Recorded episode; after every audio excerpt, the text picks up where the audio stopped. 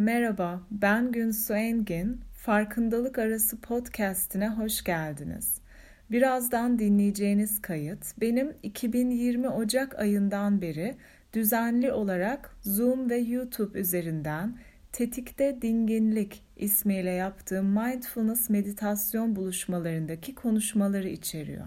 Benimle çalışmak isterseniz online olarak sunduğum eğitim programlarıma mindlight.com.tr web sitesinden ulaşabilirsiniz.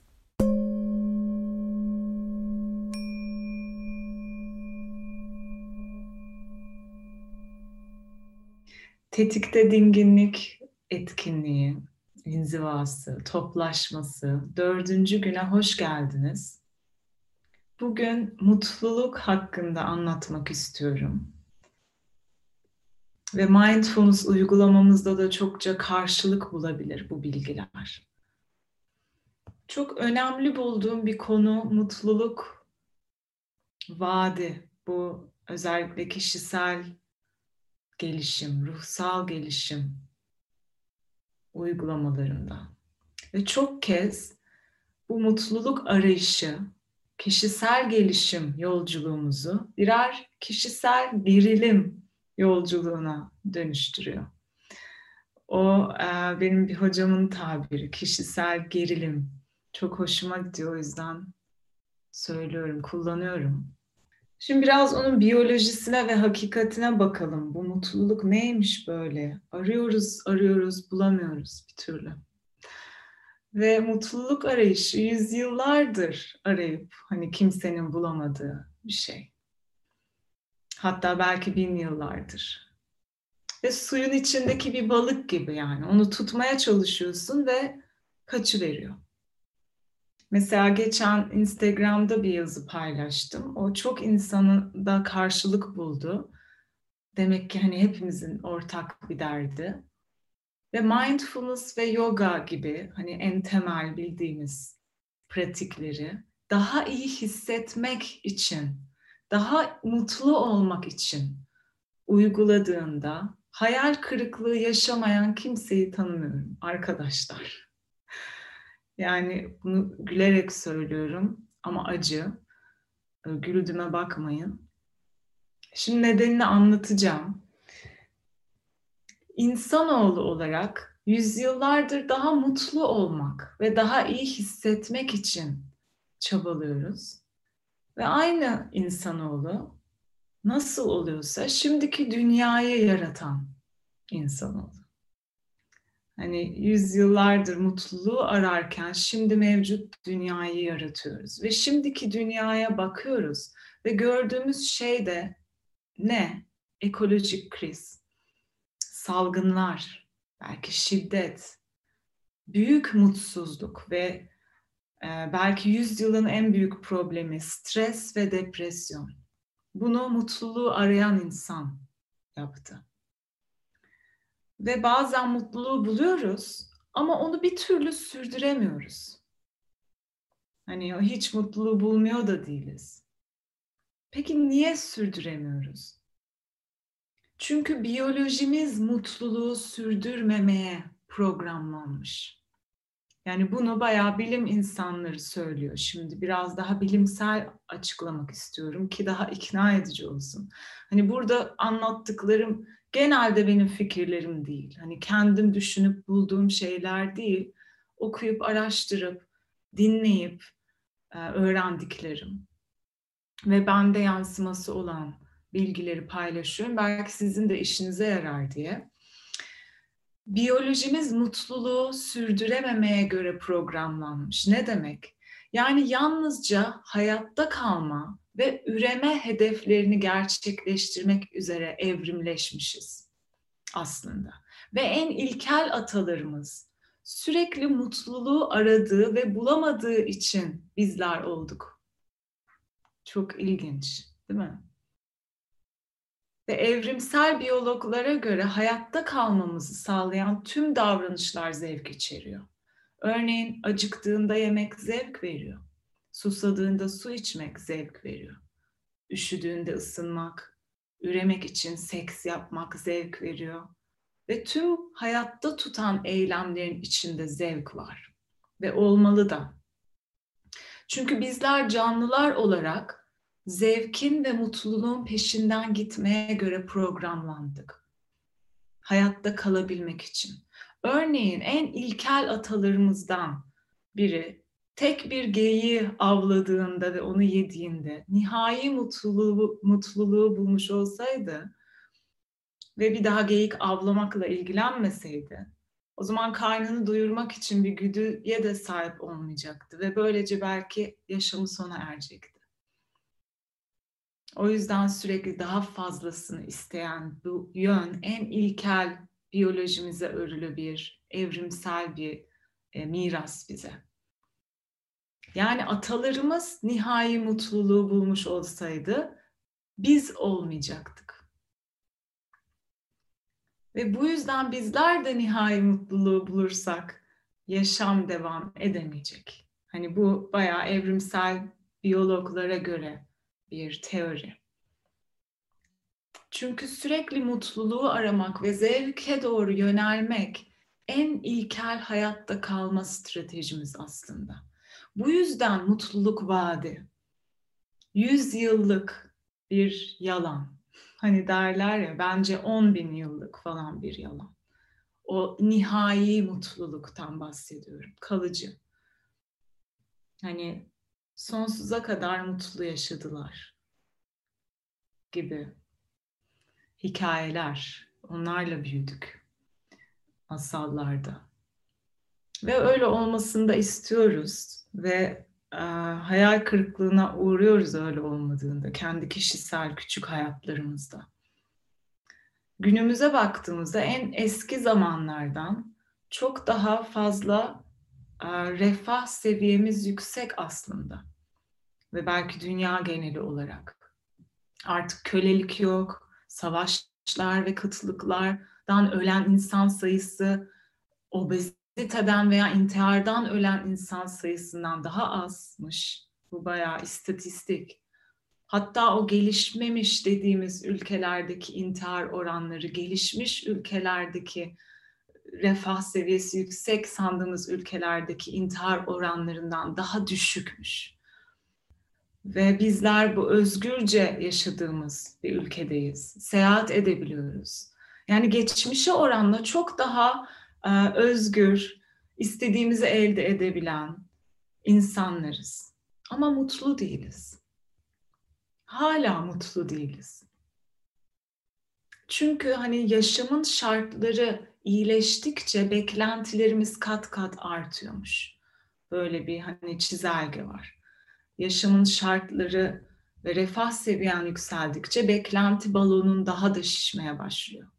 Ve bu kötü değil ama içsel dünyamızda bir yıkım yaratmaya başlıyor. Çünkü biz hep kalıcı mutluluğu arıyoruz ama bulamıyoruz.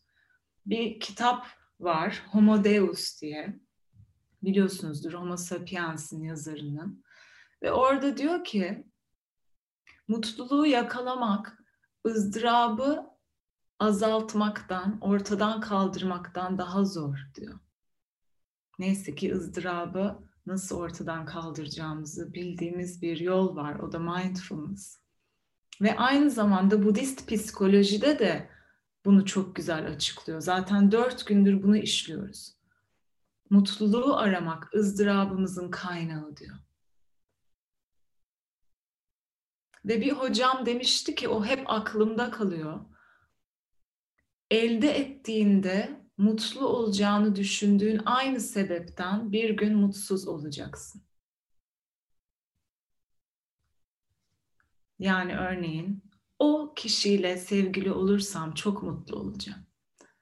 O evi, o arabayı alırsam çok mutlu olacağım. O işe kabul edilirsem çok mutlu olacağım. Ve sonra ne oluyor? İlişki bozuluyor. Ev yıkılıyor. Araba hurdaya dönüyor işten atılıyorsun veya işini kaybediyorsun. Ve yine ızdırap ve yine mutsuzluk. Yani mutluluğumuzu ve daha iyi hissetme isteğimizi dış bir etkene bağladığımız, bir maddeye bağladığımız müddetçe mutluluk bize pek uzun süre e, uğramayacak. Yani bunu bunları ben söylemiyorum arkadaşlar. Bunu bütün bilge kişiler söylüyor. Onlara güvenebiliriz. Ve bilim insanları da bunu söylüyor zaten.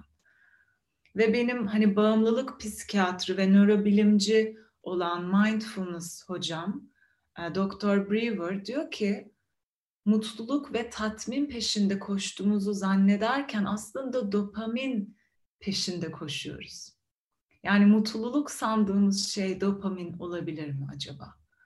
Yani yalnızca bir kimyasal ve ödül sayesinde beyinde ateşleniyor bu kimyasal. Tetikleyici davranış ödül döngüsüne bizi sokuyor. Bunu zaten işte o ızdırap döngüsünde de işledik.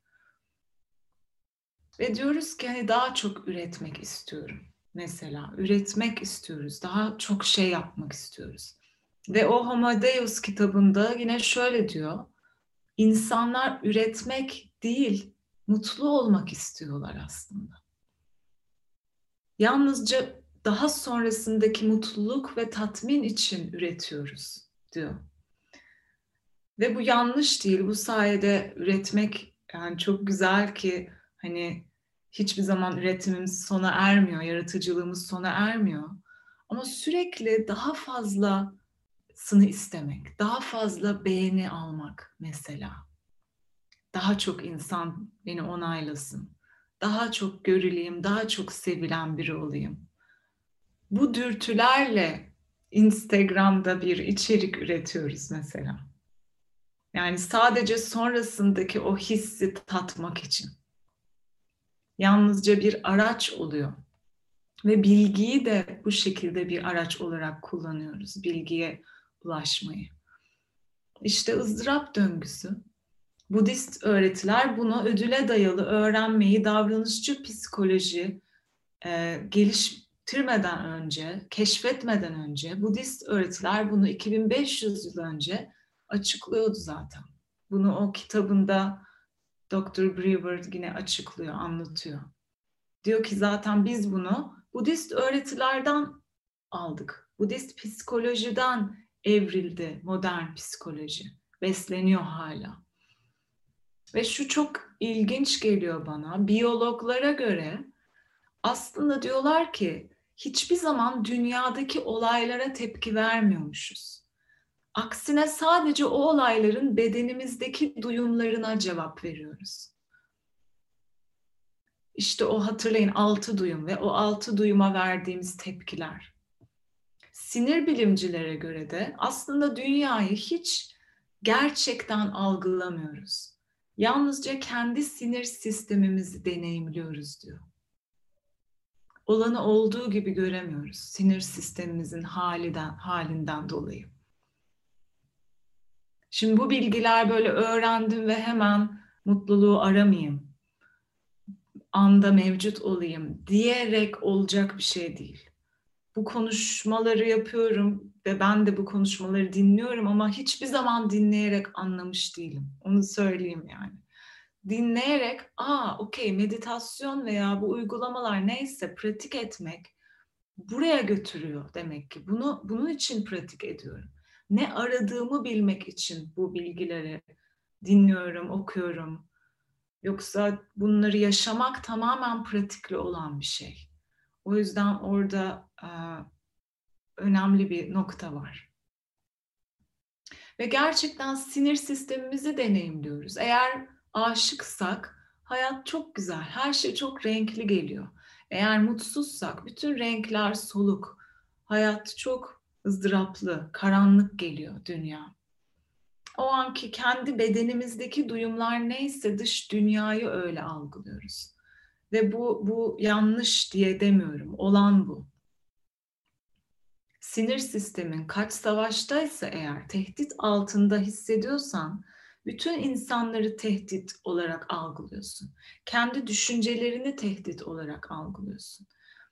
Eğer don sinir sistemindeysen daha çok çaresiz hissedebiliyorsun ve pasif hissedebiliyorsun. Hiçbir şeye tepki veremiyorsun veya tepki vermek şey hani hayır bile diyememek.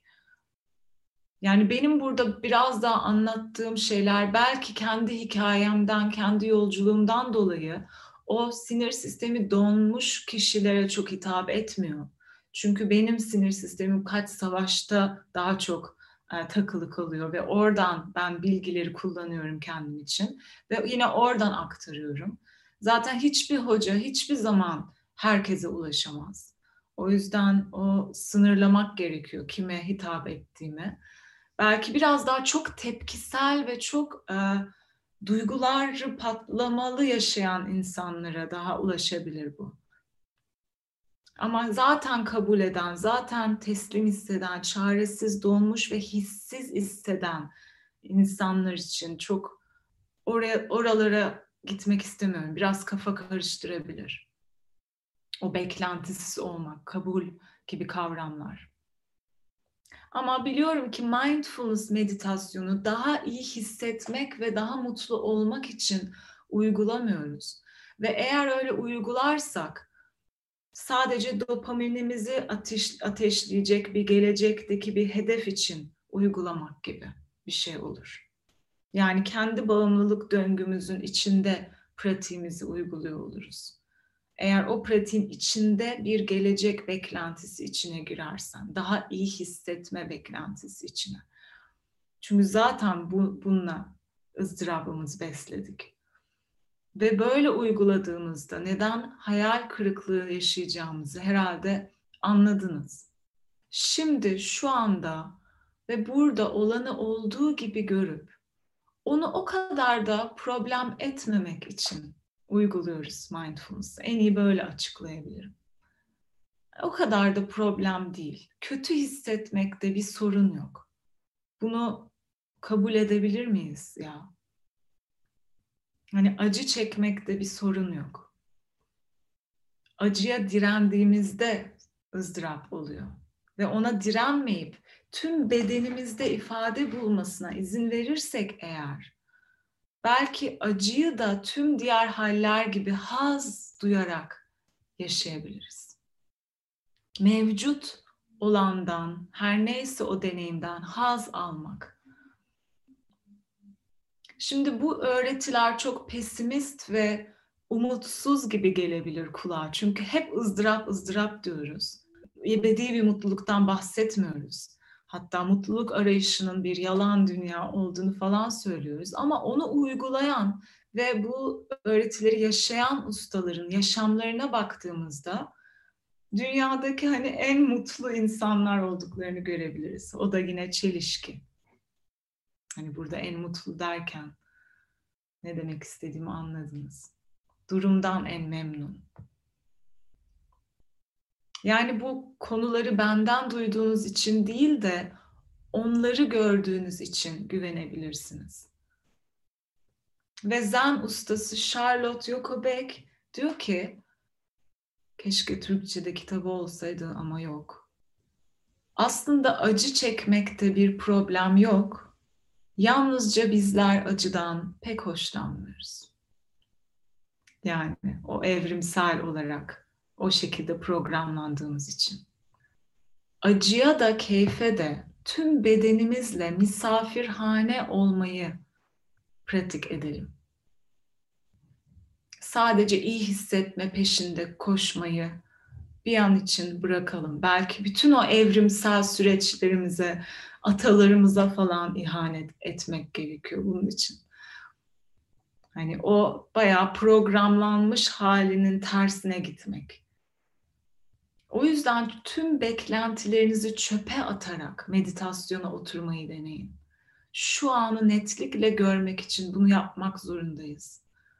Ve o şu anı görüp onunla okey olabilmek için. O yüzden hiçbir zaman mindfulness uygulamalarını daha mutlu olmanız veya daha iyi hissetmeniz gibi bir vaatle sunmuyorum. Çünkü bunlar gelip geçici, geçici haller. Tıpkı acı gibi. Hiçbir farkı yok diyor bu da. Hani acı da, mutluluk da, varoluşun iki hali. İşte yalnızca biz acıdan pek keyif almıyoruz. Yani pek onu sevmiyoruz. Kaçınma tepkisi veriyoruz. ve sürekli böyle mutlu hissetmeye doğru bir yönelme hali var. Ama haz kavramı farklı. Onu biraz açıklamak istiyorum. Bir zevk var, bir de haz. Zevk biraz daha hedonist bir yaklaşım deniyor. Yani hep böyle ileride bir hedefe odaklı ve daha çok olsun isteği, değiştirmek isteği. Haz ise şu anın olduğu haliyle olmaktan duyulan memnuniyet. Nefesinden haz almak. Her nasılsa nefesin o sırada. İçinde bulunduğun durumdan haz almak. İşte dedik ya o acıyı tümüyle bedeninde yaşamaya izin vermek bile büyük bir haz yaratabilir. Sadece hayatta olduğunu bilmek haz yaratabilir.